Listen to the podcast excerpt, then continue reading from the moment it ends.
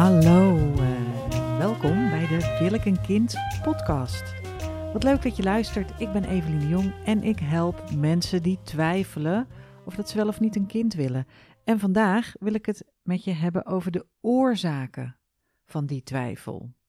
Want het is een gegeven dat je niet weet of dat je wel of niet een kind wil, maar weet je ook waarom je twijfelt? Nou zijn er meerdere oorzaken mogelijk en er is niet één goed of fout antwoord. Maar het is wel interessant om jezelf daar eens in te verdiepen, omdat het ook richting geeft voor waar je meer duidelijkheid kan vinden. En uh, laat ik beginnen met een opsomming van de meest voorkomende redenen om te twijfelen aan de kinderwens. Als eerste, die ik zelf het belangrijkst vind, is dat in sommige gevallen twijfel je aan wel of niet een kind, omdat je vanuit jezelf niet weet of dat het moederschap iets is wat bij jou past in dit leven. Dus het kan zijn dat je bijvoorbeeld denkt dat je het liefst kindvrij wil leven en dat heel veel mensen tegen je zeggen: ja, maar dan krijg je later spijt van, of mis je dan niet iets, uh, of je moeder wil heel graag een kleinkind, of je vader wil heel graag een kleinkind, of in ieder geval druk van buitenaf die maakt dat je, dat je niet voluit kan kiezen voor een kindvrij bestaan. Dat vind ik de eerste en belangrijkste oorzaak van twijfel om te noemen, omdat die heel erg alleen over wat in jou zit gaat.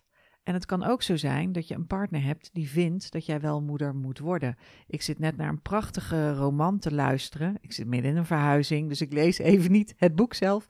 Maar ik luister op Storytel naar uh, De Grote Cirkel, The Great Circle.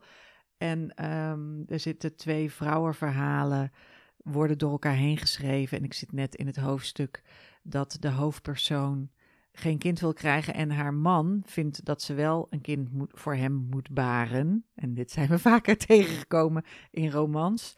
Uh, dus het kan zijn dat je vriend vindt dat je een kind moet krijgen, maar dat je er zelf eigenlijk geen behoefte aan hebt. En wat ik merk als ik praat met, uh, met vrouwen over twijfel uh, aan het moederschap, is dat de norm en de standaard is duidelijk. Als je een vrouw bent en je hebt een baarmoeder, dan behoor je moeder te worden. Dat is wat de samenleving aan je oplegt en dat doen ze al vanaf dat je een klein meisje was. En dat betekent dat je die verwachtingen zelf impliciet ook altijd met je hebt meegedragen. Dat is een levenslange verwachting. En daar erachter komen dat je dat niet wil en dat je kiest voor een ander pad. Voor sommige mensen gaat dat nou ja, ik wil niet zeggen gemakkelijk af, maar is dat een keuze die ze in staat zijn om te maken? En voor anderen is dat veel lastiger. Sorry voor deze kraakstoel. Uh, ik weet niet of dat je dat terug hoort op de, op de podcast. Ik word er zelf uh, gek van. Maar dat vind ik dus een, een hele essentiële oorzaak is, wil ik het zelf wel of wil ik het zelf niet? Past het moederschap wel bij mij? Er zijn ook vrouwen die hebben gezegd, ik zou niet per se kindvrij willen zijn, maar ik zou liever vader zijn dan moeder, omdat het nog steeds een andere impact heeft op je leven, het vaderschap, dan het moederschap. Moederschap is gewoon echt zwaarder, veel omvattender. Alleen al fysiek, het feit dat je het kind moet dragen, het feit dat je uh, eventueel het kind kunt zogen, het feit dat je uh, minder betaald krijgt, dat er een babyboete is, dat de mantelzorg ook al uh, op je schouders rust. Al die dingen, dat, het, dat je automatisch de gezinsmanager bent. Dat leeft allemaal. We praten nu hè, begin 2023. Ik ga nog één keer in mijn kraakstoel anders zitten. Um, ik moet even een beetje WD-40. Dit moet los. Dat kennen jullie, hè, jongens. Als het vast moet, duct tape. Als het los moet, WD-40. Maar goed, deze stoel die kan wel een uh, drupje olie gebruiken. Allerbelangrijkste past ook wel. Bij die, bij die knagende twijfel past dit geluid wel. Zo, dat. Um, dat is de, de belangrijkste. Die vraag is heel wezenlijk, heel essentieel. En je zit in een omgeving die niet neutraal is. En dat maakt het heel moeilijk om bij je intuïtie te geraken en voor jezelf een antwoord daarop te hebben. Dat uh, is voor mij de, de nummer één oorzaak die voor twijfel zorgt, is wil ik dit wel, wil ik de taken van het moederschap wel op me nemen? Dan komen we bij een reeks van oorzaken die allemaal te maken hebben met de liefde. Yeah, de liefde. Nou, reden 1 is, je wil wel een kind, maar je hebt geen vriend. Uh, bin there, bought a t-shirt. I have a wardrobe full of t-shirts. Uh, nou ja, ik heb eh, tien jaar van mijn leven geen vriend gehad en wel heel graag een kind gewild. Dus geen lief, wel een kinderwens. Dat zorgt voor twijfel, want, en dat, de, de aard van die twijfel, als ik in mijn eigen dagboeken terugkijk, is: ben ik wel geschikt voor het moederschap als ik niet eens in staat ben om een vriend te vinden? Moet je in staat zijn om een partner te vinden, wil je eh, aan, aan het moederschap kunnen beginnen, wil je een kind kunnen krijgen? Hmm. Dat vind ik op zich een, uh, een pijnlijke vraag. Een pijnlijke vraag, want dat is niet liefdevol naar jezelf toe. Het feit dat relaties alsmaar dynamischer worden, dat het moeilijker is om een partner te vinden, dat, uh, nou, misschien heb je zelf bindingsangst, hechtingsproblematiek, verlatingsangst, weet ik veel. Hè, plak er een stickertje op. Maar relaties is gewoon lastig. Relaties is lastig en onder druk van je biologische klok. Motherfucker, schier onmogelijk. En als je dan geen lief hebt, dan is het helemaal mogelijk om er aan een te komen. Overigens, ik zeg dit wel zo, maar dit is niet helemaal waar. Dit is niet helemaal waar. Je kunt wel op zoek gaan naar de juiste relaties, maar daarvoor zul je dus heel liefdevol, heel liefdevol en heel lang en heel diep in de spiegel moeten kijken naar wat zoek ik. Wat mijn grootste valkuil was dat ik zocht naar groots en meeslepend leven dat was, mijn, dat was wat ik steeds aantrok. Of waar ik, waar ik naar. Ik maak een, een, een grijpbeweging met mijn hand.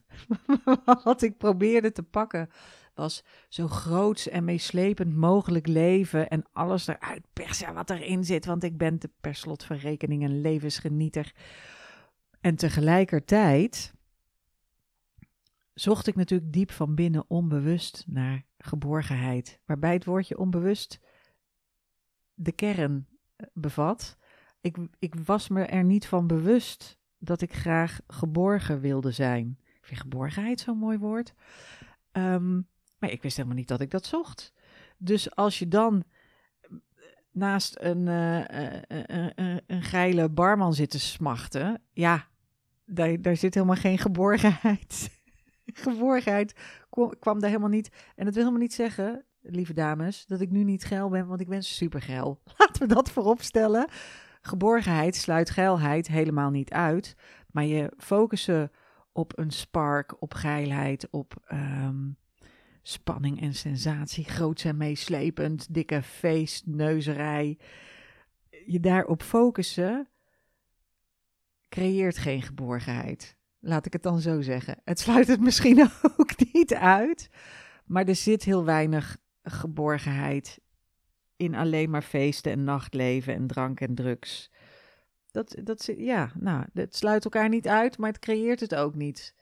Ik weet niet hoe, hoe geborgen je je voelt op de after. Goed, gaat de verkeerde kant op. Het niet hebben van een geliefde. En het kan best zijn dat jij helemaal niet op zoek bent naar een feestneus of een vlierenfluiter of een Don Draper of een Don Juan of een spannende, spannende man. Maar dat je gewoon op zich goede kerels altijd hebt gehad, maar dat het zo gelopen is. En dat je dus nu zonder vriend zit, maar wel je vruchtbare jaren weg ziet tikken. En dat je daar onrustig van wordt. En dat je daardoor gaat twijfelen aan, nou ja, in deze omstandigheden wil ik dan wel aan het moederschap beginnen. En hoe doe ik dat zonder lief?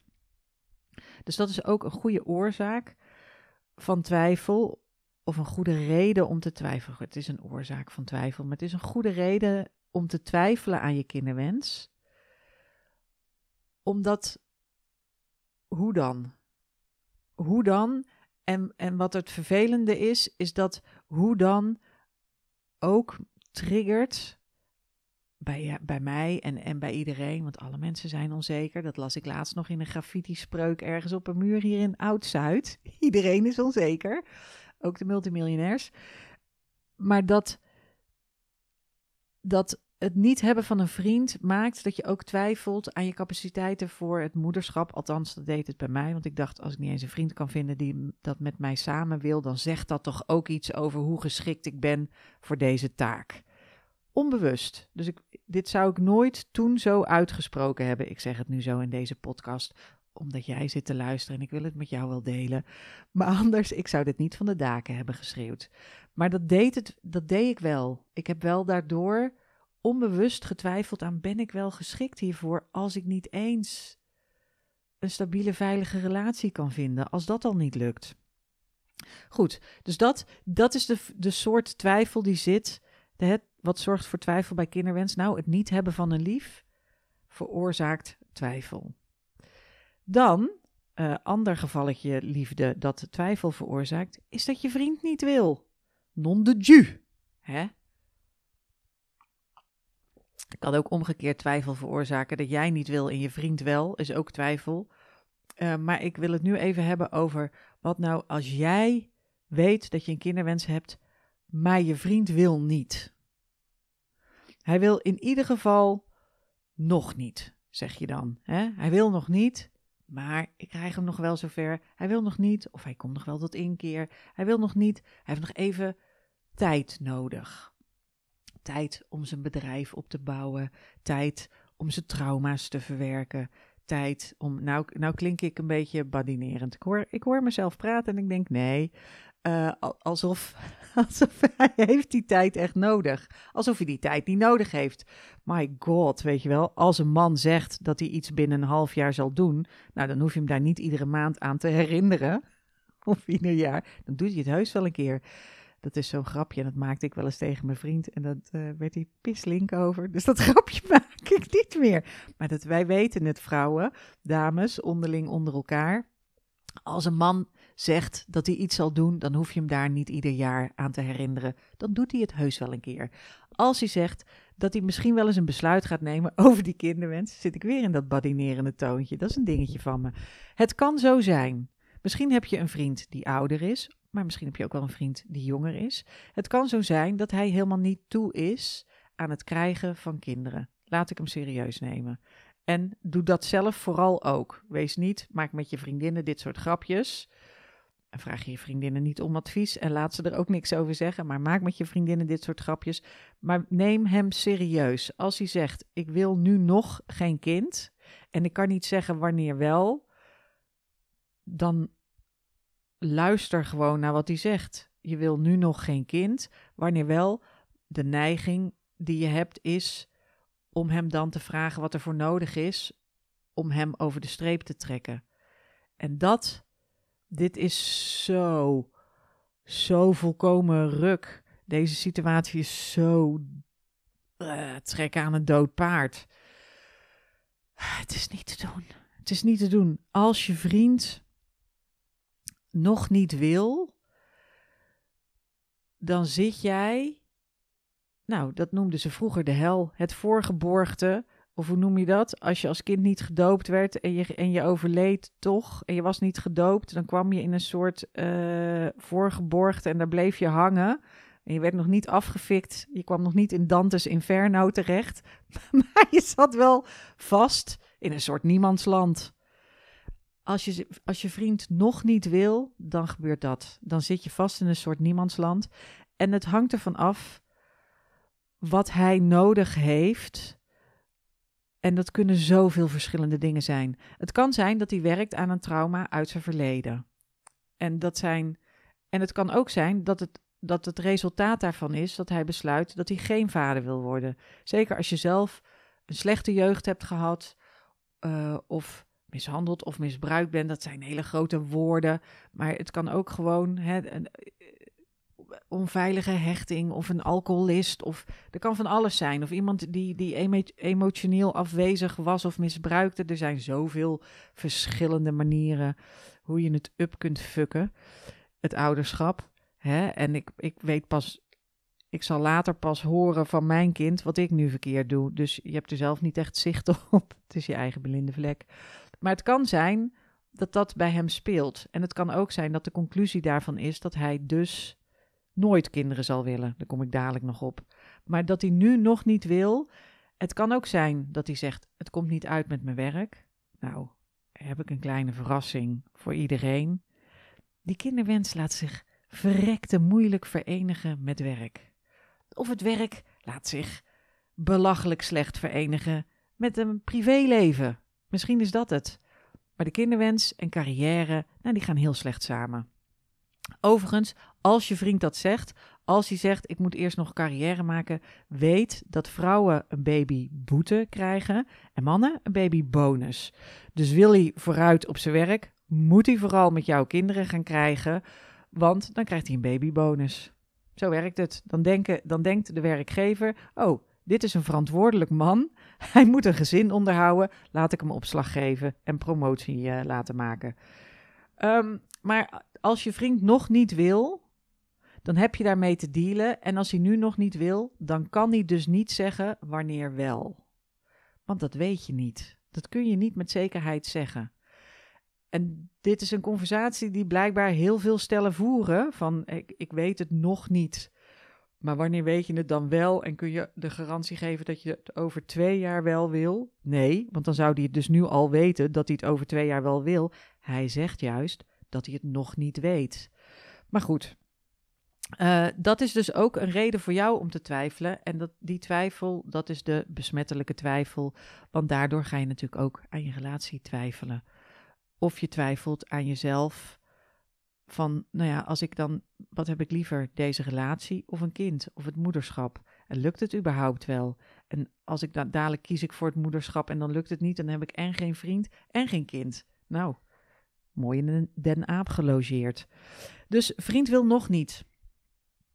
Welke, welke uh, redenen voor twijfel hebben we? Nou, dus dat je in jezelf twijfelt. Uh, wil, ik, wil ik dit wel? Heb ik wel het verlangen naar het moederschap? Je hebt geen lief, je bent single. Of je vriend wil nog niet. Wat ook kan, is dat je vriend niet meer wil. En dan zegt hij soms ook: Ik weet het nu nog niet. Ik wil en met niet meer bedoel ik dus, hij heeft al kinderen. Hij heeft al kinderen uit een vorige relatie, maar op dit moment wil hij niet meteen meer kinderen. Want hij is niet het type man die zegt, wel ja, doen er nog maar meer kinderen en dan zien we wel. En dit um, is heel verneukeratief, want wat er gebeurt is dat als jullie een serieuze relatie krijgt, jij stiefmoeder van die kinderen wordt en jij wordt een briljante stiefmoeder. Dat kan ik je verzekeren, want jij gaat namelijk, bewust of onbewust, laten zien hoe geweldig jij bent als moeder, hoeveel beter jij bent dan de ex en hoe fantastisch het allemaal ruilt en zeilt met jou erbij. Twee, vinger in je neus, twee vingers in je neus, je, je, trekt dat hele huishouden vlot zonder ook maar één zucht of, of, of mekker over uh, de oneer, oneerlijk verdeelde taken. En hij zegt, ja, ik, het is nu nog te pril, we moeten eerst zekerder zijn van elkaar. Maar weet dat jullie allebei een hele verschillende geschiedenis hebben. Als hij een relatie heeft gehad, kinderen heeft gekregen en daarna is het stuk gelopen, dan is dat een beschadiging. Ik, ik, ik zal niet zeggen traumatisch, ligt een beetje aan de soort scheiding. Maar ze hebben ooit ja tegen elkaar gezegd om kinderen samen te krijgen, omdat ze zeker wisten dat dit degene was met wie ze de rest van hun leven zouden delen, is niet gebeurd. Is niet gebeurd. Het werd geen romantisch verhaal. Het werd een Griekse tragedie. Nou ja, dat is op het slechtste hè, in het geval van de vechtscheiding. Of heel verdrietig en pijnlijk. En daar voelt hij zich schuldig over. En hij heeft gefaald. En dat is ellendig. Volkomen ruk.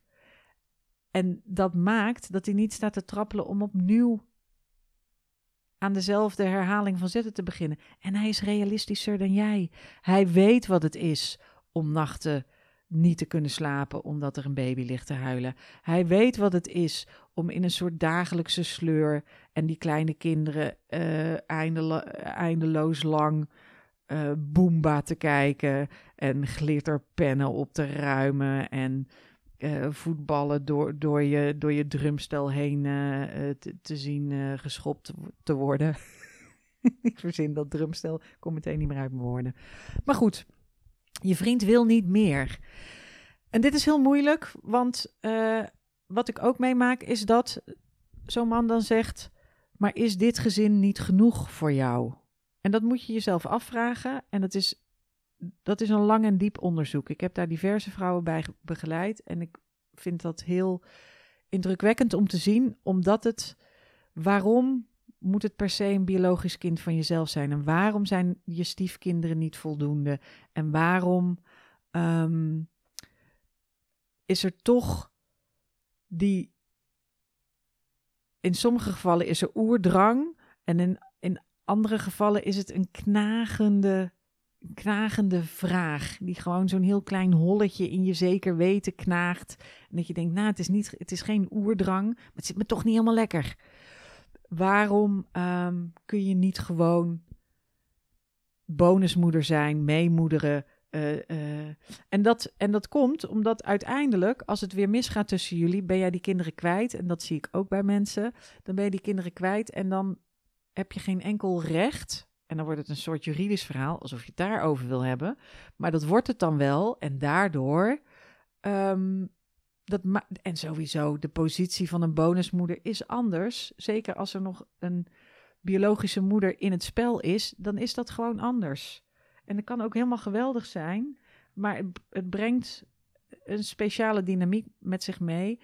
En, en het, uh, het is een complexe complex in verhouding tot je eigen kinderwens. Goed, dus je vriend wil niet meer reuze, complex en uitdagend. En het maakt dat je keihard gaat lopen werken om te laten zien wat voor een goede moeder je zou zijn.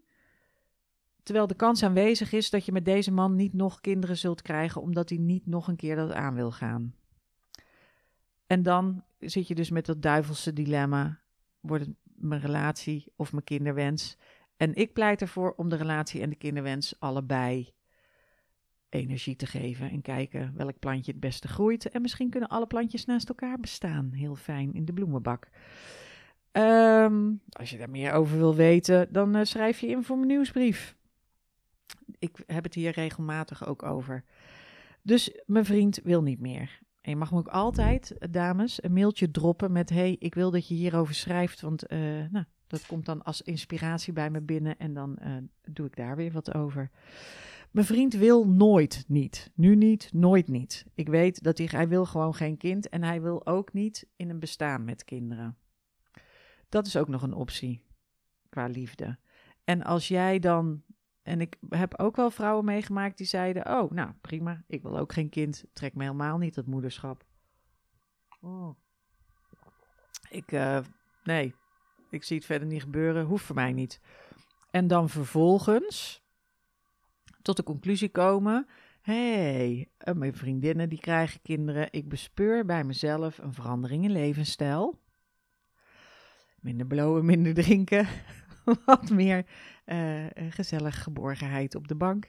Dit is mijn eigen persoonlijke projectie, jongens. Trek je daar niks van aan.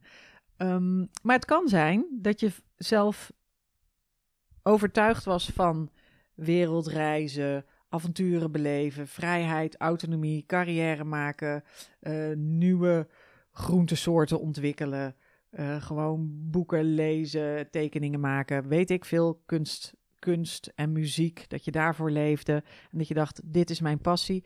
En dat je halverwege de dertig denkt, hmm, kinderwens stond eigenlijk nooit op mijn agenda. Mijn vriend of mijn man wil geen kind. Maar bij mij begint er wat te schuiven. Huh? Heb ik dat? En hij wil, hij wil nooit niet. Dat is de, de, de premisse, de, de, de, de, de, afspraak. Op die voorwaarden zijn we deze relatie aangegaan. Maar nu, meh, ik begin te twijfelen. En dan, uh, dat is, dit is ook wat hier zo volkomen ruk aan is, is dus dat je ook aan jezelf twijfelt en dat je je ook schuldig voelt. Omdat je denkt, ja, maar ik heb toch beloofd dat ik nooit een kind zou willen. En dan kan ik toch niet nu ineens wel een kind gaan zitten willen. En mensen zijn graag consistent, hè? Dus we zijn heel graag, als we onszelf geafficheerd hebben als kindvrije vrouw... en op de barricades hebben gestaan van... nee, kinderen, geen denken aan of uh, niet interessant, hoeft voor mij niet... dan uh, uh, is het heel lastig om daarna te zeggen... oh, wauw, het moederschap, helemaal te gek, woepie. Ik weet nog dat ik heel erg... Um, Halina kwam uit de kast als ongewenst kinderloze vrouw... En Carice heeft uiteindelijk een kind gekregen. Maar ik weet nog dat ik daar gefascineerd door was. En ik zit hier nu achterom te kijken naar mijn boekenkast, omdat ik daar dat. Ze hebben een boekje, wat ik niet een heel denderend boekje vond. Uh, maar dat ik dat vast had en dat ik dacht: zeggen ze hier ergens iets over het moederschap? En zij waren bezig met carrière te maken als actrice en uh, regisseur en theatermaker. Filmmaker eigenlijk meer. En dat zij hadden het over carrière en er stond dus heel even kinderwens en dat ze dat volkomen terecht zeiden. Niet interessant, houdt ons niet bezig, uh, gaat niet over ons. En dat het dus een hele transformatie is om op een gegeven moment te zeggen van... oh ja, maar het dringt zich aan mij op en het houdt... De, hè, dan staat ineens onverwacht, ding dong, wie belt er aan? Ah, de kinderwens. Je doet de deur open op een kiertje en hij vloept naar binnen en daar gaat hij zitten knagen. Um, ja, dat kan ook gebeuren. Dus, um, en dan heb je dus eigenlijk een combinatie van twee dingen. Dan heb je dus een vriend met wie je afgesproken hebt. Wij doen daar niet aan. En, en dat maakt dat je zelf niet de vrijheid ervaart van, oh, ik bespeur toch een verlangen naar het moederschap. Ga ik dat nog vinden of ontwikkelen? En tegelijkertijd in jezelf twijfel je ook, want je denkt, ja, ik was toch altijd iemand die zei, uh, moederschap, daar begin ik niet aan. En nu denk ik, nee, is misschien toch leuk zo bellen blazen in zo'n dikke baby. Op het buikje van een dikke baby. Ach, ik ben zo dol op. Ik vind alleen het geluid dat ze maken. Ik zou eigenlijk de hele prille fase van het moederschap een dikke, ruisonderdrukkende koptelefoon adviseren. Omdat ze op zo'n hele hoge pitch zitten. Maar goed. Dus we zitten nog steeds bij wat zorgt nou voor bij twijfel. Uh, uh, wat, wat zorgt voor twijfel bij een kinderwens? Nou, inherente twijfel in jezelf altijd al gehad. Of je bent single, of je vriend wil niet. Hij wil nu nog niet. Dat zet jou in een soort niemandsland. Hij wil niet meer. Dat maakt van jou een, een overcompenserende bonusmoeder. Maar daarmee wordt je kans nog niet per se groter, want jullie zitten echt op een verschillend speelvlak. Jij en je, en je vriend. Of je vriend wil nooit, nu niet, nooit niet. En dat heeft hij ook altijd zo gezegd. En jij bent ingestapt terwijl je zei: Oké, prima, nee, ik wil ook niet. Maar uiteindelijk ga jij schuiven. En wat doe je dan met die relatie? Hopen dat je vriend ook gaat schuiven. Of om voorzichtig een beetje zo. Ik moet denken aan hoe heet dat? Curling. Dat je zo voor zo'n bal uit gaat lopen vegen. Van deze kant op. Hier is uh, wrijving, warmte, kom maar. Ik weet niet hoe het werkt, curling. Goed. Um, dan zijn er nog twee andere oorzaken voor twijfel. Die, ik, die eigenlijk bij nummer één inherente twijfel aan jezelf. Want inherente twijfel aan jezelf, dat kan om verschillende redenen. Het kan zijn dat je denkt dat je ongeschikt bent voor het moederschap. Dat je denkt, ja, ik kan me voorstellen dat een hele hoop vrouwen prima als moeder kunnen fungeren, maar het is niet voor mij. Ik, ik heb niks. Niet met baren, niet met kinderen, niet met pubers, niet met. Gewoon, ik heb er gewoon niks mee. Met het hele moederschapsding. Ik denk dat ik er ongeschikt voor ben. Ik wil graag promoveren, wetenschappelijke stukken schrijven, nieuwe groentesoorten ontdekken. ik, ik, heb behoefte aan, aan groenten. Terwijl ik dit, deze podcast zit op te nemen, mensen, sneeuwt het in Amsterdam. Het is, het is een gekke. Het is de, natste, warmste januari van 2023. Dat kan niet anders. Het is de januari van 2023 en ineens zit een dikke, dikke sneeuwbui terwijl ik dit zit op te nemen. En ik, ik wilde eigenlijk nog naar buiten toe. Ga ik zo ook doen. Maar um, ongeschikt als moeder, dat je denkt, nee, ja, ook met zo'n kind naar buiten, dan moet je alles inpakken en al dat gezeul. het, het gezul en het gedoe. En ik, en ik zie niet in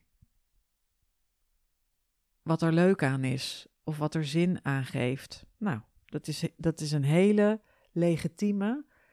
Dat is wat Gloria Steinem zei. Dat je een baarmoeder hebt, betekent niet dat je moet baren. Net zo min als dat het hebben van stembanden betekent dat je operazanger moet worden. En dat vind ik heel terecht. Dus het, het is helemaal niet dat de functie erop zit op je lichaam, dat je er ook gebruik van hoeft te maken. Helemaal niet. Als je denkt dat moederschap is niks voor mij, dan, dan moet je daar gewoon voor kunnen kiezen. Maar zo zit de samenleving niet in elkaar. Want afhankelijk van de context en de omgeving waar je in zit, vinden mensen daar wat van. De norm is dat vrouwen met een baarmoeder een kind krijgen. Dat is de norm. En alles wat daarvan afwijkt, nou, is dus niet de norm, niet normaal.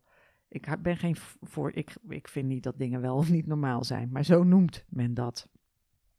En als je in een conservatieve omgeving zit, of je moeder heeft, net zoals mijn moeder, een teringsterke kinderwens.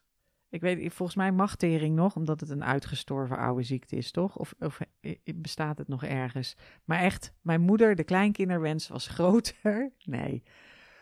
Ging gepaard, kon zich meten aan mijn kinderwens. En het was alleen maar heel verdrietig en maakte dingen nog moeilijker, want je voelt je nog schuldiger en het is nog benauwender. Maar dat, hè, dus het feit dat als je kiest voor een kindvrij bestaan, dat je daar je eigen ouders over zult moeten inlichten, dat je dat zult uit moeten leggen aan vrienden, familie, op werk, dat je te pas en te onpas daar vragen over krijgt. Nou, dat is heel heftig. Dat is heel heftig. En zeker als dat is omdat je denkt dat je ongeschikt bent voor het moederschap. Want luister, we zijn allemaal ongeschikt voor het moederschap. Want het moederschap, dat is pas een vacature. Daar wil je op reageren. Nou, belachelijk. belachelijk. De arbeidsvoorwaarden zijn abominabel. De betaling is in de min. Je bouwt schulden op. En de, de, de impact, de schade die het berokkent aan je lijf, die is weergaloos groot. Dus niet ik wil je er niet van afpraten. Ik vind het fantastisch om moeder te zijn. Maar er zijn nou niet echt. Hè? En dat is wel interessant. Je merkt dat nu in alle literatuur. dat er heel veel geschreven wordt over. dat wij eigenlijk het moederschap. dat het heel prettig is dat mensen daar niet te kritisch over nadenken. Want het vraagt nogal wat van je en je krijgt er niet heel veel voor terug. Ja, de samenleving krijgt er nieuwe aanwas voor terug. Dus die krijgt uh, een nieuwe generatie die het land moet gaan dragen en die arbeid moeten gaan leveren en die de boel op moeten bouwen. Maar jij persoonlijk, je, je, hebt het altijd, je doet het altijd verkeerd. Het afbraak, de afbreuk, afbraak, afbreukrisico van, van, van het moederschap. Huge! Je, je, hebt, je hebt het sowieso, you'll fuck up, no matter what you do. Je hebt het sowieso verkeerd gedaan. Dus ehm, dat is eigenlijk, je kunt dus denken, ik ben ongeschikt voor het moederschap. Oh nee, dit is, en ongeschikt kan ook nog zijn dat je denkt, ik ben ongeschikt, want ik zit helemaal de verkeerde dingen te vertellen. Wat ik zojuist allemaal vertelde, gaat eigenlijk veel meer over vrijheid en autonomie. En dat betekent dus dat je eigenlijk liever zonder kind zou willen leven, omdat je vrij en autonoom wil zijn.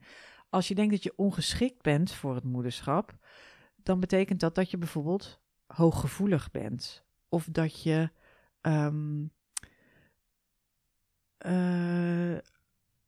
aanleg hebt tot de depressie. Of heel erg angstig bent. Of bang bent. En dat kan ook zijn dat er in je familie, dat je je moeders uh, psychoses hadden.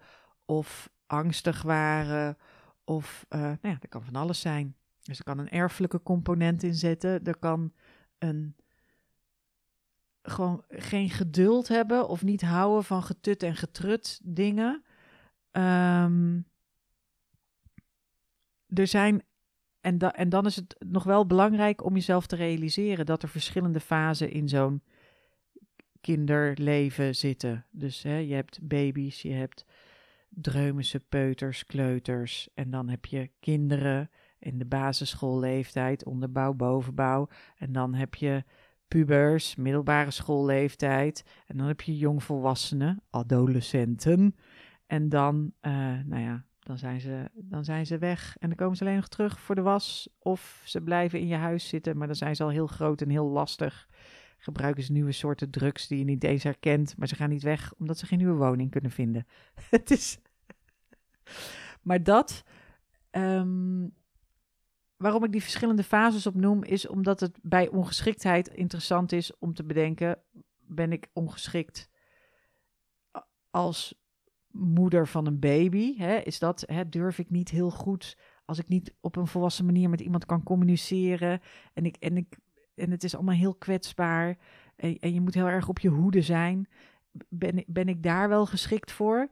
Of is het meer dat je denkt van ja, ik ben zelf nog een groot kind, kan ik de verantwoordelijkheid wel aan? En, en waar en hoe zou ik dat kunnen ondervangen? Nou, dat zijn zo'n beetje de verschillende redenen, oorzaken van twijfel bij een kinderwens, die ik zo snel kan verzinnen. Misschien heb jij er nog meer. En als dat zo is, dan mail ze gewoon even aan me. Info, Vind ik hartstikke leuk om van je te horen.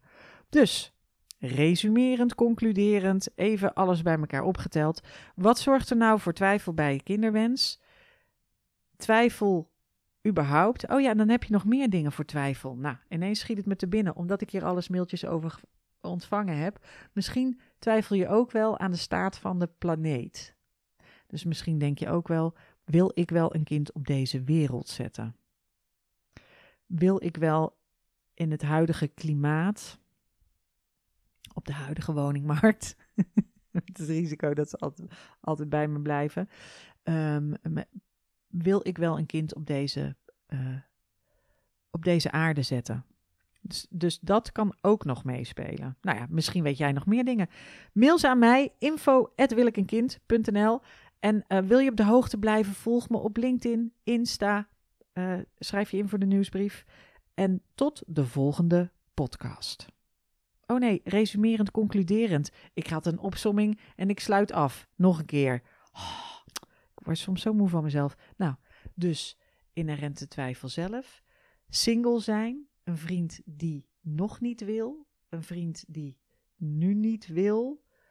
En misschien wel nooit niet. Een vriend die niet meer wil ongeschikt zijn voor het moederschap door je karakter. Of misschien ben je wel autistisch of hoogsensitief of heb je aanleg voor depressie en denk je, hmm, niet zo slim, het moederschap. Of heb je niks met huishouden en, en verzorgende taken. En het kan ook zijn dat je zo gehecht bent aan je vrijheid en je autonomie.